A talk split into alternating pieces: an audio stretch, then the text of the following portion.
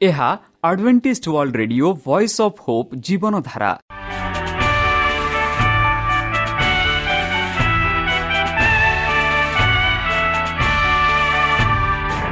Odia radio କାର୍ଯ୍ୟକ୍ରମ ଯାହା ଆମର ଆନ୍ତର୍ଜାତୀୟ ଆଘାତ କେନ୍ଦ୍ରରୁ ପ୍ରସାରଣ କରାଯାଉଛି ପ୍ରତିଦିନ ରାତି ନଅଟା ତିରିଶ ମିନିଟ୍ରେ। ମୁଁ ସୁବ୍ରତ କୁମାର ପତି ପ୍ରେମର ସହ ଆପଣମାନଙ୍କୁ ଏହି କାର୍ଯ୍ୟକ୍ରମକୁ ସ୍ୱାଗତ କରୁଅଛି। ଚାଲନ୍ତୁ ଆଜିର ତିରିଶ ମିନିଟ୍ର କାର୍ଯ୍ୟକ୍ରମ ବିଷୟରେ ଜାଣିନେବା। ପ୍ରଥମେ ରଖିଛୁ ଆଧ୍ୟାତ୍ମିକ ଭକ୍ତିମୟ ଗୀତ। ଏହାପରେ ଶୁଣିବା ସ୍ୱାସ୍ଥ୍ୟ ବିଷୟରେ ଯାହା ଆମର ଦୈନିକ ଜୀବନରେ ଅତ୍ୟନ୍ତ ଜରୁରୀ। ଆଉ ପରିଶେଷରେ ଶୁଣିବା ପରମେଶ୍ୱରଙ୍କ ଭକ୍ତଙ୍କଠାରୁ ଜୀବନଦାୟକ ଈଶ୍ୱରଙ୍କ ବାକ୍ୟ। ପ୍ରିୟ ଶ୍ରୋତା ତାହେଲେ ଚାଲନ୍ତୁ ଶୁଣିବା ଏକ ଆଧ୍ୟାତ୍ମିକ ଭକ୍ତିମୟ ଗୀତ।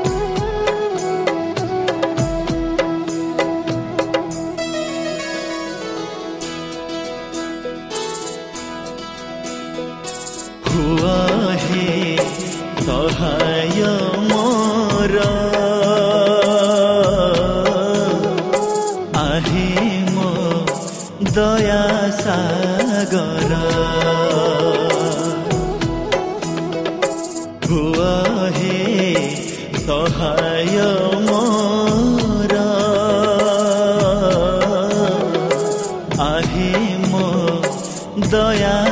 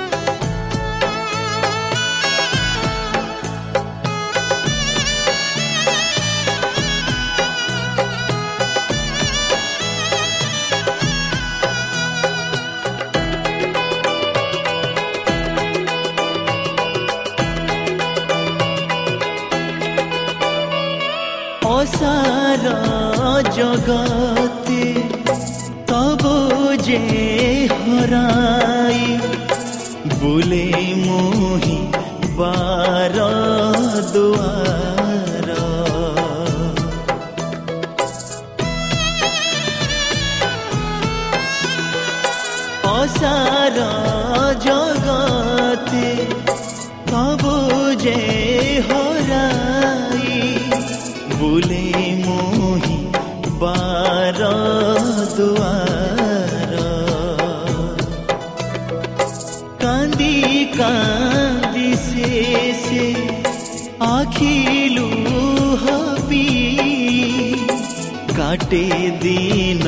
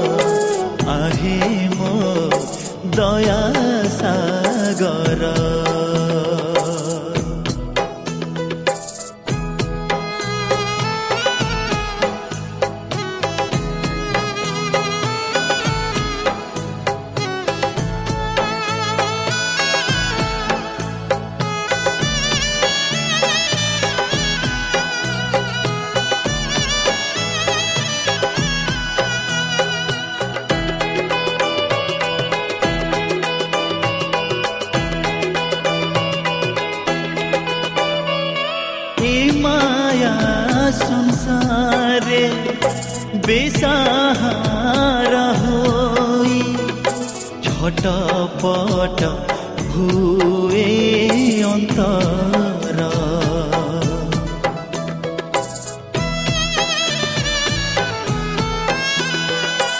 এ মায়া সংসারে বেসাহারা হই ছট পট অন্তর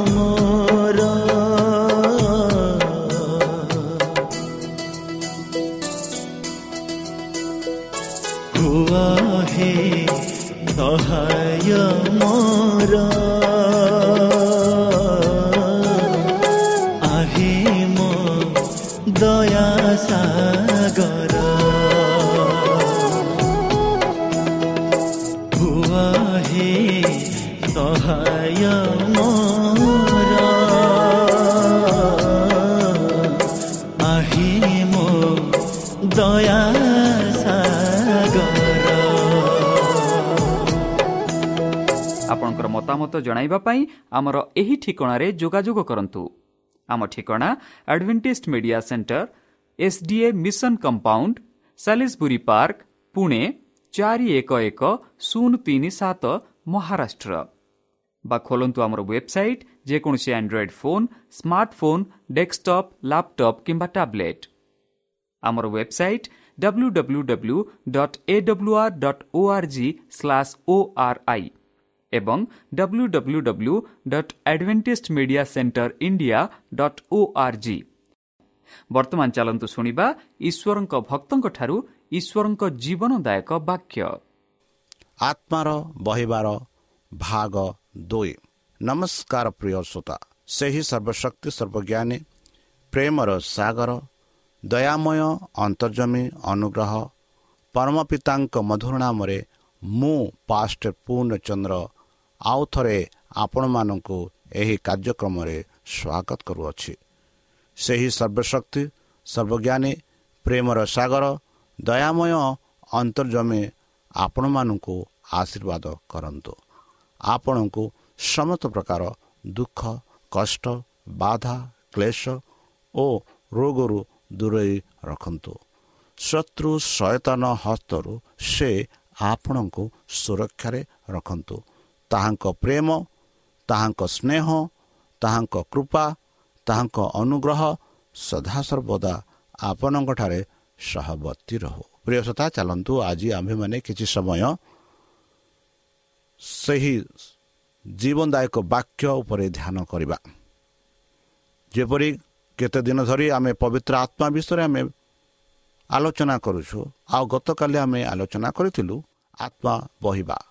ବା the outpouring of the spirit ଚାଲନ୍ତୁ ଏହି ବିଷୟରେ ଆମେ ଅଧିକ ରୂପେ ଆଜି ଆମେ ଆଲୋଚନା କରିବା ଯେପରିକି ଆତ୍ମାର ଉତ୍ତୋଳନ ସମୟରେ କେଉଁ ପୁରୁଣା ନିୟମ ଭବିଷ୍ୟତବାଣୀ ପୂରଣ କରାଯାଇଥିଲା ଯଦି ଆମେ ପ୍ରେରିତ ତାର ଦୁଇ ଚଉଦଠୁ ଅଠର ପଡ଼ିବା ସେଠି ଆମେ ପାଉଛୁ ଏହିପରି ଆଉ ପ୍ରବଳ ବେଗରେ ବହୁଥିବା ପ୍ରଚଣ୍ଡ ପବନର ଶବ୍ଦ ତୁଲ୍ୟ ଗୋଟିଏ ଶବ୍ଦ ଅକସ୍କ ଆକାଶରୁ ଆସି ଯେଉଁ ଗୃହରେ ସେମାନେ ବସିଥିଲେ ସେହି ଗୃହରେ ସର୍ବତ୍ର ବ୍ୟାପିଗଲା ଆମେ ସେହି ପବିତ୍ର ଆତ୍ମା ବିଷୟରେ ଆମେ ଦେଖୁଅଛୁ ଆଉ ଅଗ୍ନି ସଦୃଶ୍ୟ ଜୀବଗୁଡ଼ିକ ସେମାନଙ୍କ ବୃଷ୍ଟି ଗୋଚର ହୋଇ ଗୋଟି ଗୋଟି କରି ସେମାନଙ୍କ ପ୍ରତ୍ୟେକ ଜଣଙ୍କ ଉପରେ ଅଧିଷ୍ଠିତ ହେଲା। ସେଥିରେ ସେମାନେ ସମସ୍ତେ ପବିତ୍ର ଆତ୍ମାରେ ପରିପୂର୍ଣ୍ଣ ହେଲେ। ପୁଣି ଆତ୍ମା ସେମାନଙ୍କୁ ଯେପରି କହିବାକୁ ଶକ୍ତି ଦେଲେ ତଦନୁସାରେ ସେମାନେ ଅନ୍ୟାନ୍ୟ ଭାଷାରେ କଥା କହିବାକୁ ଲାଗିଲେ। ଏହି ସମୟରେ ଆକାଶର ନିମ୍ନସ୍ଥିତ ପ୍ରତ୍ୟେକ ଜାତିରୁ ଆଘାତ ହୋଇ ଜେରୁସାଲାମରେ ବାସ କରୁଥିବା ଭକ୍ତ ଯୁହୁଦୀମାନେ ସେ ପାଖରେ ଥିଲେ। ଆଉ ସେହି ଶବ୍ଦ ହୁଅନ୍ତେ। ବହୁ ଜନତା ଏକତ୍ର ହୋଇ ପ୍ରତ୍ୟେକ ଜନ ଆପଣା ଆପଣା ଭାଷାରେ ସେମାନଙ୍କୁ କଥା କହୁଥିବା ଶୁଣିବାରୁ ହତ ବୁଦ୍ଧି ହେଲା। ପୁଣି ସେମାନେ ଅଚମ୍ବିତ ଓ ଚମ୍ବକୃତ ହୋଇ କହିବାକୁ ଲାଗିଲେ ଦେଖ ଏଇ ଯେଉଁ ଲୋକମାନେ କଥା କହୁଛନ୍ତି ସେମାନେ କ'ଣ ଗାଲିଲିଓ ନୁହନ୍ତି?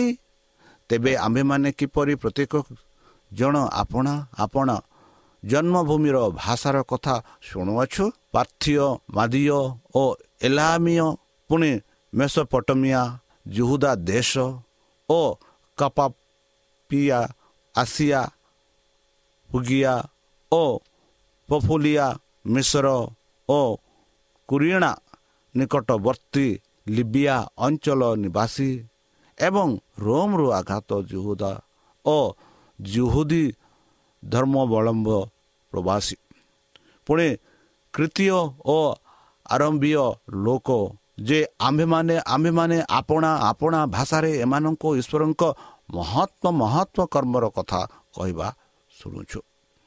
ଆଉ ସେ ସମସ୍ତେ ଆଚମ୍ବିତ ଓ ହତବୁଦ୍ଧି ହୋଇ ପରସ୍ପର କହିବାକୁ ଲାଗିଲେ ଏହାର ଅର୍ଥ କ'ଣ? କିନ୍ତୁ ଅନ୍ୟମାନେ ଜୁହୁ ବିହୁଦ କହିଲେ କରି କହିଲେ ଏମାନେ ମିଷ୍ଟ ଦ୍ରାକ୍ଷାରସରେ ମତ ହୋଇଅଛନ୍ତି। କିନ୍ତୁ ପିତର ଏକାଦଶଙ୍କ ସହିତ ଠିଆ ହୋଇ ଉଚ୍ଚ ସ୍ୱରରେ ସେମାନଙ୍କୁ ନିକଟରେ ବୃକୃତ୍ୱ କରି କହିଲେ ହେ ଯୋଦି ଲୋକେ ଓ ଜୁର୍ସାଲମ ନିବାସୀମାନେ ଆପଣମାନେ ଏହା ଜ୍ଞାନ ହୁଅନ୍ତୁ ଓ ମୋର କଥାରେ କର୍ଣ୍ଣପାତ କରନ୍ତୁ। କାରଣ ଆପଣମାନେ ଯେପରି ମନେ କରୁଅଛ ଏମାନେ ଯେପରି ମାତାଳ ନୁହନ୍ତି ତେଣୁ ବର୍ତ୍ତମାନ ସମୟ ସକାଳ ନଅ ଘଣ୍ଟା ମାତ୍ର। କିନ୍ତୁ ଜୋଏଲ ଭାବବାଦୀଙ୍କ ଦ୍ୱାରା ଯାହା ଉକ୍ତ ଅଛି ଏ ସେହି ଘଟଣା। ଈଶ୍ୱର କହନ୍ତି ଶେଷ କାଳରେ ଏହି ପରି ଘଟିବ ଯେ ଆମ୍ଭେ ସମସ୍ତ ମୃତ୍ୟୁ ଉପରେ ଆପଣା ଆପଣା ଆତ୍ମା ବୃଷ୍ଟି କରିବା। ସେଥିରେ ତୁମାନଙ୍କ ପୃତକନ୍ୟାମାନେ ଭାବବାଦୀ ଭାବବାନୀ କହିବେ ଆଉ ଦୂତମାନଙ୍କ ଯୁବାମାନେ ଦର୍ଶନ ପାଇବେ। ତୁମମାନଙ୍କର ପ୍ରାଚୀନମାନେ ସ୍ୱପ୍ନ ଦେଖିବେ। ହଁ ସେହି କାଳରେ ଆମେ ନିଜ ଦାସ ଦାସୀଙ୍କ ମାନଙ୍କ ଉପରେ ଆପଣା ଆତ୍ମା ବୃଷ୍ଟି କରିବା ସେଥିରେ ସେମାନେ ଭାବମାନେ କହିବେ। ବନ୍ଧୁ ଗତକାଲି ଏହି ବିଷୟରେ ମୁଁ ଆଲୋଚନା କରିଥିଲୁ ଆଉ ଏହି ବିଷୟରେ ଆମେ ଆଲୋଚନା କରୁଥିଲୁ ଯାହା ବର୍ତ୍ତମାନ ଆମେ ଦେଖୁଅଛୁ କି ସେହି ସମୟରେ ଯେବେ ଭବିଷ୍ୟତ ଭକ୍ତ ଜଏଲ କହିଥିଲେ କି ଏମିତି ସମୟ ଆସିବ ଯେଉଁ ସମୟରେ ଈଶ୍ୱରଙ୍କ ଲୋକେ ବିଶେଷ ଭାବରେ ପବିତ୍ର ଆତ୍ମା ସେମାନଙ୍କ ଉପରେ ଢଲାଯିବ ଆଉ ସେମାନେ ତାହାଙ୍କ ନାମରେ ପ୍ରଚାର କରିବେ ଆଉ ବର୍ତ୍ତମାନ ଯେଉଁ ବାକ୍ୟ ମୁଁ ଆପଣମାନଙ୍କ ଠାରେ ପଢ଼ିଲି ସେଠି ଆମେ ଦେଖୁଅଛୁ କିପରି ଜୟଲଙ୍କ ଭବିଷ୍ୟତବାଣୀ ପୂର୍ଣ୍ଣ ହେଉଅଛି। ଆଉ କିପରି ସେମାନେ ନିଜ ନିଜ ଭାଷାରେ କଥା କହୁଅଛନ୍ତି। କିପରି ଲୋକେ ସେମାନଙ୍କୁ ପ୍ରଶଂସା କରି କହୁଛନ୍ତି ଆଚମ୍ବିତ ହୋଇ କହୁଛନ୍ତି କି ଏମାନେ କ'ଣ ବିଭିନ୍ନ ରାଷ୍ଟ୍ରରୁ ବିଭିନ୍ନ ଦେଶରୁ ନୁହନ୍ତି କି? ଆଉ ସେଇ ଜାଗାରେ ବିଭିନ୍ନ ଦେଶର ଲୋକମାନେ ଥିଲେ ଆଉ ସେମାନେ ନିଜ ସାକ୍ଷାତ କରୁଥିଲେ ଏଇ ଯେଉଁ ଆଚର୍ଯ୍ୟ କର୍ମ। ସେମାନେ କଲେ ଅଭୂତ। ବନ୍ଧୁ ଯେବେ ଆମେ ସେହି ପବିତ୍ର ଆତ୍ମାର ଦ୍ୱାରା ଆମେ ବାପ୍ଟିଜିତ ହେବା ସେହି ସମୟରେ ଏହି ଆଚର୍ଯ୍ୟ କାର୍ଯ୍ୟ କାର୍ଯ୍ୟ ହୋଇଥିଲା ବର୍ତ୍ତମାନ ବି ସେହା ହେଉଅଛି। ଯଦି ଆମେ ପଢ଼ିବା ଜୟଲ ଜୟଲ ଦୁଇ ଅଠାଇଶ ଟୁ ଅଣତିରିଶ ସେଠି ଜୟଲ ସ୍ପଷ୍ଟ ରୂପରେ ଆମମାନଙ୍କୁ କହୁଛନ୍ତି କି ଶେଷ ଦିନରେ କିପରି ଘଟିବ। ବନ୍ଧୁ ଏହା ପୂର୍ବେ ମୁଁ ଅନେକ ଥର ଜୟଲଙ୍କ ଭାବବାଦୀ ବା ଜୟ ଜୟଲଙ୍କ ବିଷୟରେ ମୁଁ କହିସାରିଛି। ଆଉ ସେଇ ବିଷୟରେ ଆଉ ଥରେ ମୁଁ ପଢ଼ିବାକୁ ଯାଉଅଛି ଯାହା ଆମେ ଆଉ ଥରେ ଦେଖିବା। ପୁଣି ତହିଁ ଉତ୍ତାରେ ଆମ୍ଭେ ସମୁଦାୟ ପ୍ରାଣୀ ଉପରେ ଆପଣା ଆପଣା ଆତ୍ମା ଢାଲିବା ତହିଁରେ ତୁମମାନଙ୍କ ପୁତ୍ରଗଣ କନ୍ୟାଗଣ ଭବିଷ୍ୟତ ବାକ୍ୟ ପ୍ରଚାର କରିବେ। ତୁମମାନଙ୍କ ବୃଦ୍ଧ ଲୋକମାନେ ସ୍ୱପ୍ନ ଦେଖିବେ। ତୁମମାନଙ୍କ ଯୁବା ଲୋକମାନେ ଦର୍ଶନ ଦେଖିବେ। ଅଣତିରିଶରେ ଆମେ ପାଉଛୁ। ଆଉ ସେ ସମୟରେ ମଧ୍ୟ ଆମେ ଦାସବାସୀ ଗଣନ ଗଣର ଉପରେ ଆପଣାର ଆତ୍ମା ଢାଲିବା। ଏହିପରି ଯୀଶୁଖ୍ରୀଷ୍ଟ ଏହିପରି ପରମେଶ୍ୱର ଜୟଲ ଭବିଷ୍ୟତଙ୍କ ଦ୍ୱାରା ଆମମାନଙ୍କ ପାଖକୁ ଆମମାନଙ୍କୁ କହୁଅଛନ୍ତି। ଯାହା ଆମେ ବର୍ତ୍ତମାନ ଦେଖିଲୁ କିପରି ପିତର ପ୍ରଚାର କଲେ ଆଉ କିପରି ଲୋକେ ସେମାନେ ସାକ୍ଷାତ କଲେ ଯେବେ ପବିତ୍ର ଆତ୍ମା ସେମାନଙ୍କ ଉପରେ ଆସିଲା। ଯେବେ ପବିତ୍ର ଆତ୍ମାଙ୍କ ଦ୍ୱାରା ଯେତେବେଳେ ସେମାନେ ବାପ୍ଟିଜିତ ହେଲେ ଆଉ କିପରି ସେମାନେ ନିଜ ନିଜ ଭାଷାରେ ସେମାନେ କହିଲେ ଆଉ ପବିତ୍ର ଆତ୍ମା କିପରି ସେମାନଙ୍କୁ ବ୍ୟବହାର କଲା ତାହା ବିଷୟରେ ଆମେ ଦେଖୁଅଛୁ। ବନ୍ଧୁ ଜୋଏଲ ଦୁଇ ତେଇଶ ଏହିପରି କୁହେ ପୁଣି ତହିଁ ଉତ୍ତାରେ ଆମ୍ଭେ ସମୁଦାୟ ପ୍ରାଣୀ ଉପରେ ଆପଣା ଆତ୍ମା ଢାଲିବା। ତହିଁରେ ତୁମାନଙ୍କ ପୁତ୍ରଗଣ କନ୍ୟାଗଣ ଭବିଷ୍ୟତ ଭକ୍ତ ପ୍ରଚାର କରିବେ। ଦେଖନ୍ତୁ ବନ୍ଧୁ ଏହା ଯାହା ଜୟଲ ଭବିଷ୍ୟତ ଭକ୍ତା ଭବିଷ୍ୟତବାଣୀ କରିଥିଲେ ତାହା ପୂର୍ଣ୍ଣ ହେବାର ଆମେ ଦେଖୁଅଛୁ। ବନ୍ଧୁ ପାଲେଷ୍ଟାଇନ୍ର ପ୍ରାରମ୍ଭିକ ବର୍ଷା ବିହନ ବୁନାନି ବୁଣିବା ପାଇଁ ମାଟି ପ୍ରସ୍ତୁତ କରେ ଏବଂ ପରବର୍ତ୍ତୀ ବର୍ଷା ଅମଳ ପାଇଁ ଶସ୍ୟ ପାଚିଥାଏ। ତେଣୁ ଆତ୍ମାର ପ୍ରାରମ୍ଭିକ ଉତ୍ସାହ ସୁସମାଚାର ମଞ୍ଜିର ବ୍ୟାପିକ ବୁଣିବା ପାଇଁ ବିଶ୍ୱକୁ ପ୍ରସ୍ତୁତ କଲା ଏବଂ ନିମନ୍ତ ଏହି ପୃଥିବୀର ଅମଳ ପାଇଁ ସୁବର୍ଣ୍ଣ ଶସ୍ୟକୁ ପୁନଃ ପେନ୍ କରିବାକୁ ଆସି ଯାହା ଖ୍ରୀଷ୍ଟଙ୍କୁ କହନ୍ତି ଦୁନିଆରେ ଶେଷ। ବନ୍ଧୁ ଆମେ ଯଦି ମାଥ୍ୟୁ ତାର ତେର ସଇଁତିରିଶ ଟୁ ଅଣଚାଳିଶ ପଢ଼ିବା ପ୍ରକାଶିତ ଚଉଦ ଚଉଦ ପଢ଼ିବା ଆଉ ପନ୍ଦର ପଢ଼ିବା ଖ୍ରୀଷ୍ଟ ଯାହା କହିଲେ ଆଉ ଜୟଲ ଯାହା କହିଥିଲେ ତାହା ବର୍ତ୍ତମାନ ପରିପୂର୍ଣ୍ଣ ହେଉଅଛି। ବନ୍ଧୁ ଫେଲିଷ୍ଟାଇନ୍ ଦିନ ପ୍ରାରମ୍ଭିକ ବର୍ଷାରେ ଯାହା ଯାହା ବର୍ତ୍ତମାନ ମଧ୍ୟ ପ୍ରାରମ୍ଭିକ ସମୟରେ ଯେପରି ବର୍ଷା ହୁଏ ବର୍ଷା ହେଲା ପରେ ବିହନ ପକାଯାଏ। ବିହନ ପକାଇଲା ପରେ କେତେ ଦିନ ପରେ ସେଟା ଶିଶୁ ଗଛ ରୂପେ ହୁଏ। ତାପରେ ପୁଣି ଏହା ଶସ୍ୟ କରିବା ବା ଅମଳ କରିବା ସମୟ ଆସିଥାଏ। ବନ୍ଧୁ ପରମେଶ୍ୱର ଏହି ପୃଥିବୀକୁ ଏତେ ପ୍ରେମ କଲେ। ଯେପରିକି ଏହି ପୃଥିବୀରେ ଯେତେ ଲୋକ ଅଛନ୍ତି ସେମାନେ ତାହାଙ୍କ ଠାରେ ବିଶ୍ୱାସ କରନ୍ତୁ। ଆଉ ସେ ବିଶ୍ୱାସ ହେଉଛି କି ପ୍ରଭୁ ଯୀଶୁ ଏହି ପୃଥିବୀକୁ ଆସିଲେ। ବନ୍ଧୁ ଆତ୍ମାର ଅନ୍ତିମ ଉତ୍ସାହ ଅଧୀନରେ ଅଳ୍ପ ସମୟ ମଧ୍ୟରେ ଏକ ମହାନ କାର୍ଯ୍ୟ ସମାପ୍ତ ହେବ। ସମଗ୍ର ପୃଥିବୀରେ ଅନେକ ସ୍ୱର ଚେତାବନୀ ଗ୍ରହଣ କରାଯିବ ଯାହା ଆମେ ବର୍ତ୍ତମାନ ଦେଖୁଅଛୁ। ବିଶ୍ୱାସୀମାନଙ୍କ ଦ୍ୱାରା ସଙ୍କେତ ଏବଂ ଚମତ୍କାର ସୃଷ୍ଟି ହେବ ଏବଂ ଯାହାକି ଆମେ ପେଣ୍ଟିକୋଷ୍ଟ ପରି ସେହି ଦିନରେ ଯେତେ ଲୋକ ସେହି ପବିତ୍ର ଆତ୍ମାଙ୍କ ଦ୍ୱାରା ବାପିଜିତ ହୋଇଥିଲେ ଆଉ ଯେବେ ସେମାନେ ବାପିଜିତ ହେଲେ ଯେବେ ସେମାନେ ବିଭିନ୍ନ ଭାଷାରେ କହିଥିଲେ ଆଉ ଗୋଟିଏ ଦିନରେ ହଜାର ହଜାର ଲୋକ ରୂପାନ୍ତରିତ ହୋଇଥିଲେ ବା ପରିବର୍ତ୍ତନ ହୋଇଥିଲେ ଆଉ ଯୀଶୁଖ୍ରୀଷ୍ଟଙ୍କୁ ବିଶ୍ୱାସ କରିଥିଲେ। ଯେଉଁମାନେ ଏହି ଅନ୍ତିମ ସୁସମାଚାର ଆହ୍ୱାନକୁ ଅନଦେଖା କରିବାରେ ବିଫଳ ହୁଅନ୍ତି ବନ୍ଧୁ ଅବିଶ୍ୱାସୀ ହୁଅନ୍ତି ବନ୍ଧୁ ହିନ୍ଦୁମାନଙ୍କ ପରି ସେମାନେ ବିନାଶରେ ନଷ୍ଟ ହୋଇଯିବେ ବନ୍ଧୁ। ଯୁଦ୍ଧ ଦୁର୍ଭିକ୍ଷ ମୃତ୍ୟୁ ଏବଂ ବିନାଶ ୟୁଦୀମାନଙ୍କୁ ପଛରେ ପକାଇ ଦେଇଥିବାରୁ ସାତଟି ଦେଶ ମହାମାରୀ ସେମାନଙ୍କୁ ଅତିକ୍ରମ କରିଥିଲା। ଯେଉଁମାନେ ଖ୍ରୀଷ୍ଟଙ୍କ ଉପରେ ବିଶ୍ୱାସ ନ କରନ୍ତି ପାଳନ କରିବାକୁ ତାଙ୍କ ଆହ୍ୱାନକୁ ଅନଦେଖା କରିବାରେ ବିଫଳ ହୋଇଥିଲେ ଏବଂ ନିଜକୁ ଜୁରୁସାଲମରେ ବନ୍ଦ କରିଦେଇଥିଲେ। ଯେଉଁମାନେ ତାଙ୍କ ଆହ୍ୱାନକୁ ଶୁଣନ୍ତି ଏବଂ ଏବଂ ତାଙ୍କ ବାକ୍ୟକୁ ମନ ଦିଅନ୍ତି ଯେଉଁମାନେ ମନକୁ ମନକୁ ପରିବର୍ତ୍ତନ କରନ୍ତି ପାପକୁ ଈଶ୍ୱରଙ୍କ ଠାରେ ସ୍ୱୀକାର କରି ଯେବେ ସେମାନେ ଈଶ୍ୱରଙ୍କୁ ବିଶ୍ୱାସ କରନ୍ତି ନିଶ୍ଚିତ ରୂପେ ପରମେଶ୍ୱର ସେମାନଙ୍କୁ ଆଶୀର୍ବାଦ କରିବେ। ବନ୍ଧୁ ସମସ୍ତଙ୍କୁ ସେହି ପବିତ୍ର ଆତ୍ମାର ଉପହାର ଦେଇଛନ୍ତି। ଆଉ ଆମେ ଏହି ଯେଉଁ ପବିତ୍ର ଆତ୍ମାର ଉପହାର କିପରି ବ୍ୟବହାର କରୁଛୁ ଆମ ଉପରେ ନିର୍ଭର। ପବିତ୍ର ଆତ୍ମା ସଦାସର୍ବଦା ଆମ ଆମମାନଙ୍କ ପାଖରେ ଅଛି। ପବିତ୍ର ଆତ୍ମା ଚାହାନ୍ତି କି ଆମେ ପରମେଶ୍ୱରଙ୍କ ଠାରେ ପ୍ରାର୍ଥନା କରୁ ଯେପରି ପରମେଶ୍ୱର ଆମମାନଙ୍କୁ ସେହି ପବିତ୍ର ଆତ୍ମା ଦ୍ୱାରା ବାପିତ କରନ୍ତୁ।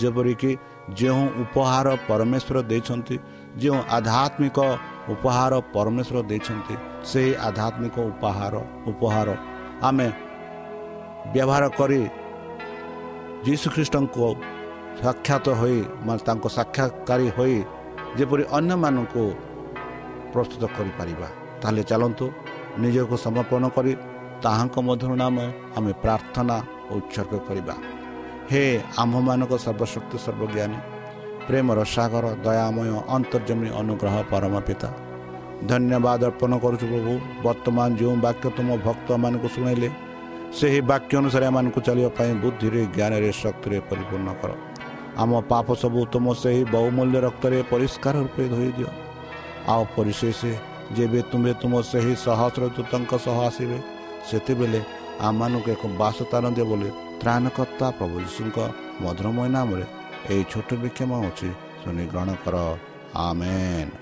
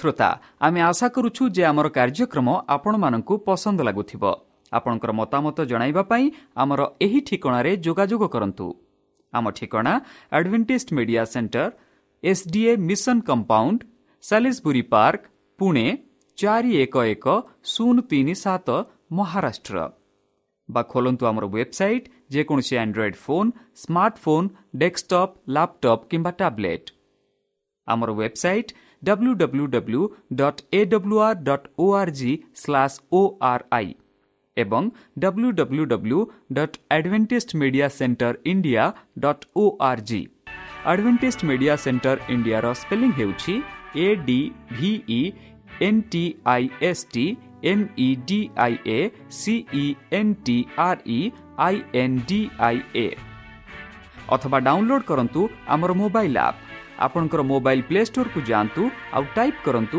ଦ ଭଏସ୍ ଅଫ୍ ହୋପ୍ ଆଉ ଡାଉନଲୋଡ୍ କରନ୍ତୁ। ଈଶ୍ୱର ଆପଣଙ୍କୁ ଆଶୀର୍ବାଦ କରନ୍ତୁ। ଧନ୍ୟବାଦ।